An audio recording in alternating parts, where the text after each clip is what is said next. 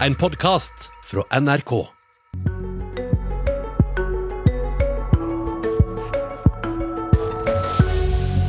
En eh, ny regjering skal utjevne forskjeller og ta hele landet i bruk. Og de skal starte hos SV for å få flertall. I hvert fall er det det de sier. Kommentatorer tror at den nye regjeringen vil få slite med å oppfylle alle valgløftene, og at de snart eh, vil gå til andre enn SV for å få gjennomslag.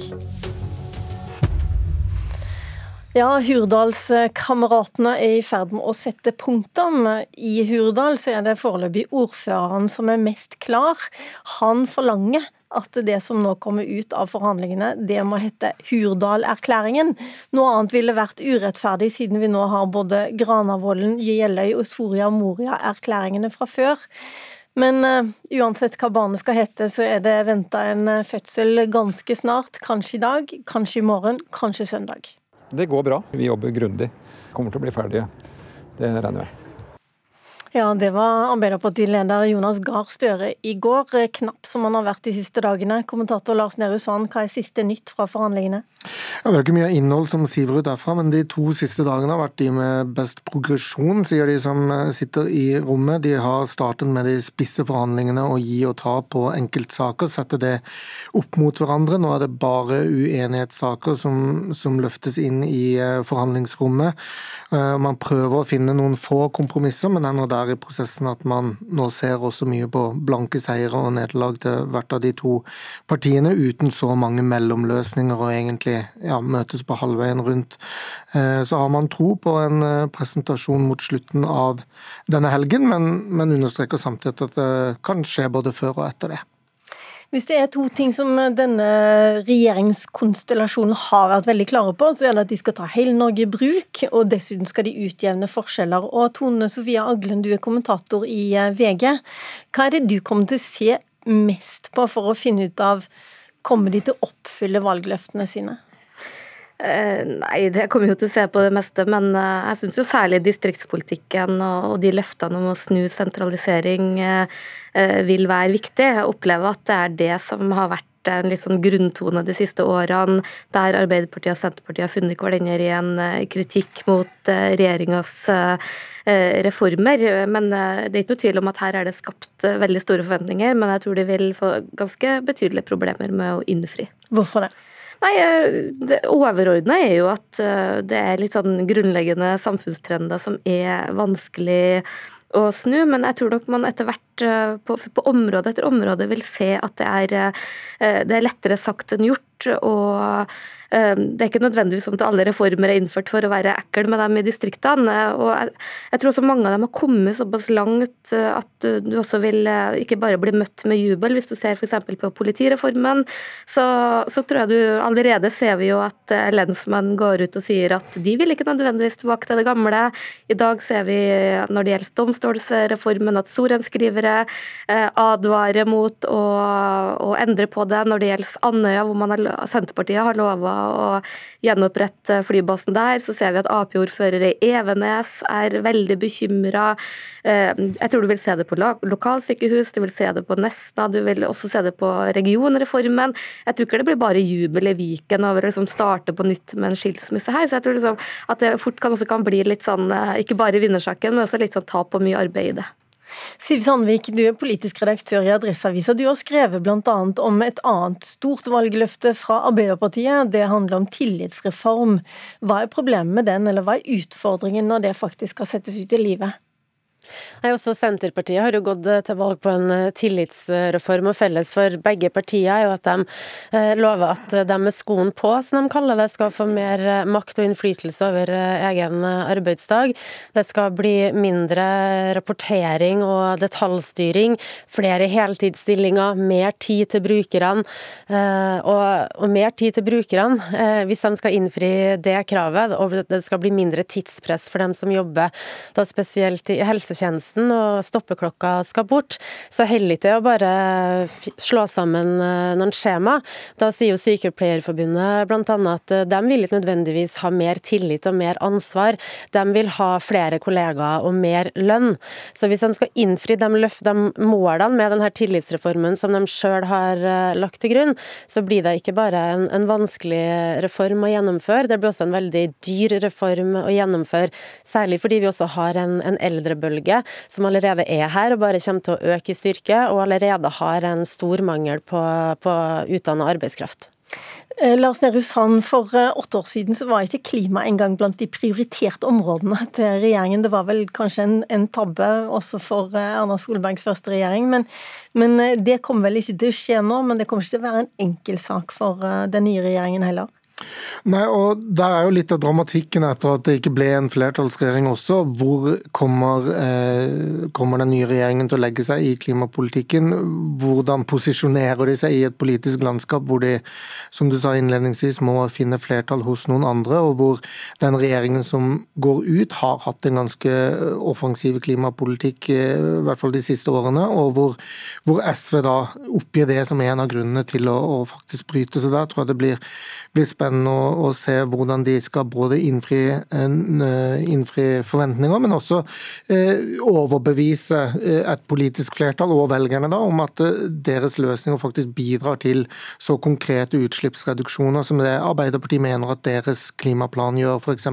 med et ganske konkret klimabudsjett som de la frem i, i fjor høst.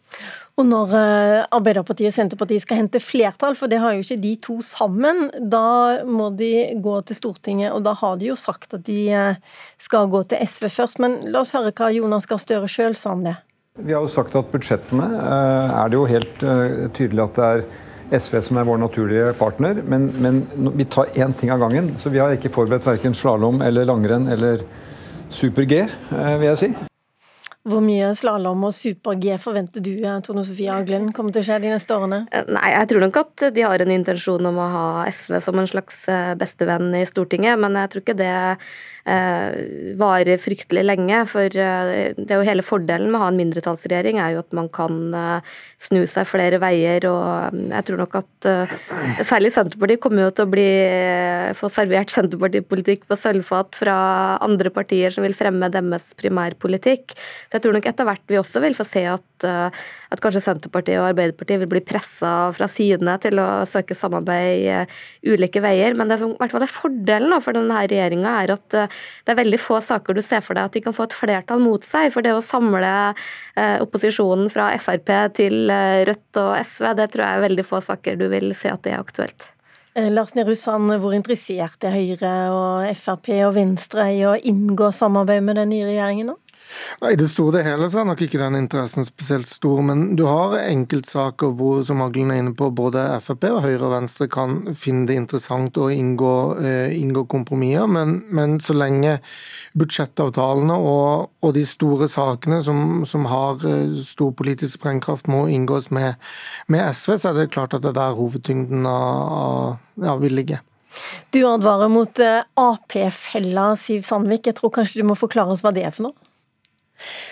Nei, det er jo I Høyre så vet jeg jo at det er en eh, bekymring for at de kan ende opp der Arbeiderpartiet var eh, i Erna Solbergs eh, første periode som statsminister. Da fant ikke Arbeiderpartiet helt formen som opposisjonsparti. De mente jo sjøl at de var et ansvarlig styringsparti som støtta de store reformene innledningsvis, da, som kommunereform og politireform. Men de ble ikke oppfatta som ansvarlig, de ble oppfatta som utydelige og etter hvert som vinglete da de gikk eh, bort fra, fra støtten.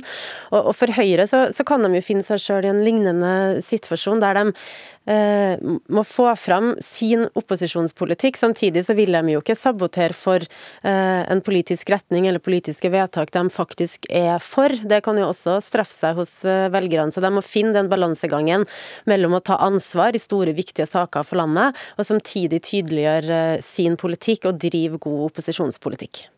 Det som er spesielt eh, med denne, disse regjeringsforhandlingene som foregår akkurat nå, er jo at Arbeiderpartiet for første gang i historien faktisk inngår, eller forhandler om en regjeringserklæring som ikke har flertall i seg sjøl.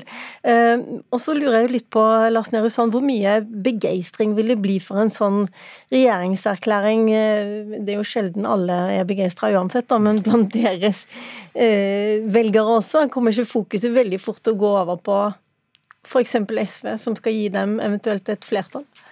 Jo, Det er jo litt eh, holdt på den kontrollen som Arbeiderpartiet har mista ved å ikke ha en flertallsregjering. Det er første gang de går i en eh, mindretallsregjering som er en eh, koalisjonsregjering. og da da vil jo fokuset bli veldig mye på hvordan skaffe flertall og, og, hvilke muligheter du har, fremfor den politisk fremforhandlede løsningen regjeringen legger frem. Så kan du si at det kanskje spesielt Frp har klart å, å bruke til sin fordel da de var i en topartisregjering, riktignok som, som lillebror, det er jo å og da si at det som nå blir vedtatt, er ikke nødvendigvis vårt primære ønske, og det har vi vist frem ved at vi først la frem, og så forandra Stortinget dette. Eh, hvis Ap klarer å gjøre det samme, så kan jo det være en fordel. Det blir en større ulempe hvis det eh, heller blir sånn at Støre sin statsminister Pondus og Arbeiderpartiet som styringsparti eh, mer forbindes med at det er uklart hva som blir vedtak, og, og uklart hva regjeringen kan føre av politikk fordi den ikke har flertall. Eh, vi kan du snakke litt om hva vi kan forvente her også av eh, arbeidsfordeling, i tillegg til en ja, ingen vet vel hvor mange sider som kommer, en 30, 40, 50, 60, 70 sider med politikk. Og så må de bli enige om hvem som skal gjøre hva. La oss eh, høre litt på, på de to partilederne. Det er jo litt sånn at noen oppgaver har de begge lyst på. Vi har ment at det er viktig at vi nå ser på hvordan man kan bruke oss anbudspolitikken aktivt til å få bl.a. flere lærlinger inn i sektoren. Det siste er jo veldig viktig for oss også, dette med, med, med lærlinger. Ja, lærlinger. Eh, kunnskapspolitikk, næringspolitikk. Eh, dette er vel områder som begge partier gjerne vil ha statsrådene og departementene på aglen? Ja, og så tror jeg nok at eh, for Arbeiderpartiet så er det særdeles viktig å få de her store velferdsdepartementene knytta til arbeid, eh, eh, helse. De departementene jeg tror det sånn reelt sett vil være litt mer kamp om, er de som er knytta til industri, næringsliv, mulighet til å skape verdier, synliggjøre distriktspolitikken. og Da tenker jeg særlig på Næringsdepartementet, Olje- og energidepartementet hvis det blir hetende det, Klimadepartementet og eh, kanskje samferdsel. At det kanskje der de vil møtes mest på interesser. Ellers er det jo noen eh, departement som virker ganske sånn åpenbar hvem som skal ha. Siv Sandvik, nå er det jo sånn at Arbeiderpartiet er dobbelt så store som Senterpartiet. Tror du da de får dobbelt så mange statsråder? Ikke nødvendigvis, og Senterpartiet er jo mer glad i å telle mandater enn å se på prosenten. Og Der er jo fordelinga 48 til Arbeiderpartiet og 28 til Senterpartiet, så der er ikke Arbeiderpartiet dobbelt så stor. Nå vet vi jo ikke akkurat hvor mange statsråder det blir til slutt. Vedum har jo gått ut og sagt at han vil ha en slankere stat og også færre statsråder. Men eh, de vil nok i hvert fall ikke si at det blir dagens, da, 20 inkludert eh, statsministeren, så vil han nok ikke nøye seg med seks, og det er ikke sikkert han nøyer seg med sju heller. Eh, en av de eh, statsrådene som kanskje kan være utsatt, og som i hvert fall ikke kom før eh, med denne regjeringen, det er distriktsstatsråden. Tror du den vil overleve, Aglen? Det vil overraske meg veldig hvis vi får se en distrikts- og digitaliseringsminister som kommer ut på Slottsplassen denne gang. Vi har kanskje ikke sett så veldig mye av den som har vært heller, Lars Nehru Sand? Nei, Det vil nok eh, mange mene at, eh, at det ikke har vært, og det grepet fremsto litt, eh, litt, rart da det ble tatt også, men, men ja. Det... Er, det andre, er det andre statsrådposter du tror vil forsvinne? Det er litt frem og tilbake med utviklingsministeren. rett og slett fordi Om man skal fortsette å ha to statsråder i samme departement utover Nærings- og, og Fiskeridepartementet, det, det, virker litt uklart. Men både høyere utdanning og distrikts- og digitaliseringsminister er det ikke garantert at vi, vi får se. Ok, Den nye regjeringserklæringen med fordelingen den kan man altså forvente en av de nærmeste dagene, kanskje på søndag. Hva skjer videre da, Lars Nehru Sand? På mandag så er det høytidelig åpning av Stortinget. På tirsdag legger regjeringen Solberg frem sitt forslag til statsbudsjett. Og etter det vil nok eh, Solberg kunngjøre at hun går til kongen i en audiens på tirsdag ettermiddag og ber om avskjed for sin eh, regjering, og vil da formelt lede et forretningsministerium den tiden det er frem til Støre-regjeringen står på Slottsplassen. og Da er det kanskje venta at det skjer torsdag eller fredag tidligst neste uke.